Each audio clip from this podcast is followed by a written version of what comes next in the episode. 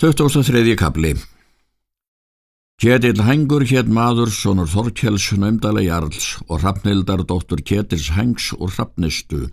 Hengur var göfur maður og ágætur. Hann hafi verið hinn mesti vinur Þóróls Kveldúrssonar og frændi skildur. Hann var þá í útlaupi því er liðsapnaðar var á Hálágalandi og menn ætluðu til liðs við Þórólf svo sem fyrr var ritað.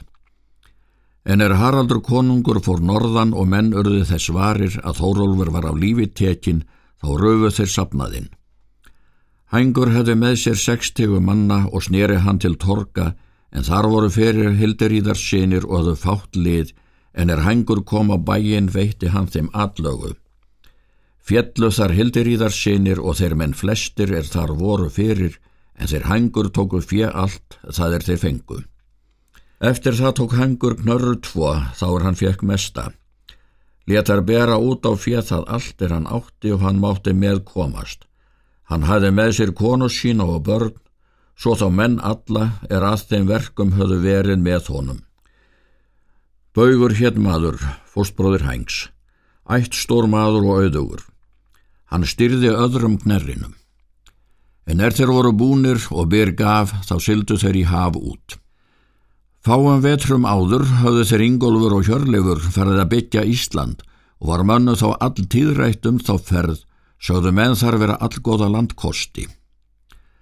Hængur syldi vestur í haf og leitaði til Íslands, en er þeir örðu við landvarir, þá voru þeir fyrir sunnan aðkomnir. En fyrir því að veður var kvast en brem á landið og ekki hafnlegt, þá syldu þeir vestur um landið fyrir sandana, en er veðrið tók að minka og læja breym þá varð fyrir þeim árós mikill og heldu þeir þar skipunum upp í ána og lögdu við hið eistra land. Svo áheitir nú þjófsá, fjall þá miklu þröngra og var djúpari en nú er. Þeir röttu skipin, tóku þá að konnuðu landið fyrir austan ána og fluttu eftir sér búfjessitt. Var hengur hinn fyrsta vetur fyrir rötan ranga á hinna ytri en um vorið kannadi hann austur landið og namn þá land millir þjórsár og markarfljóts á millir fjalls og fjöru og byggði að hofi við rangá hérna eistri. Yngun kona hans fætti barnum vorið, þá er þau höfðu þar verið hinn fyrsta vetur og hétt sveitnin sá hrapp. En er hús voru þar ofan tekin, þá var þar síðan kallað hrappntóftir. Hengur gaf bauji land í fljótslýð og var frá merki á til árinnar fyrir utan breyðabólstað og bjóð hann að hlýðarenda og frá bauji er komin mikil kynnslóð í þeirri sveit. Hengur gaf land skipverjum sínum en seldi sömum við litlu verdi og eru þeir landnámsmenn kallaðir. Stórólfur hétt sonur Hengs, hann átti kvöllin og stórólsvöll, hans sonur var ormur hins sterkji.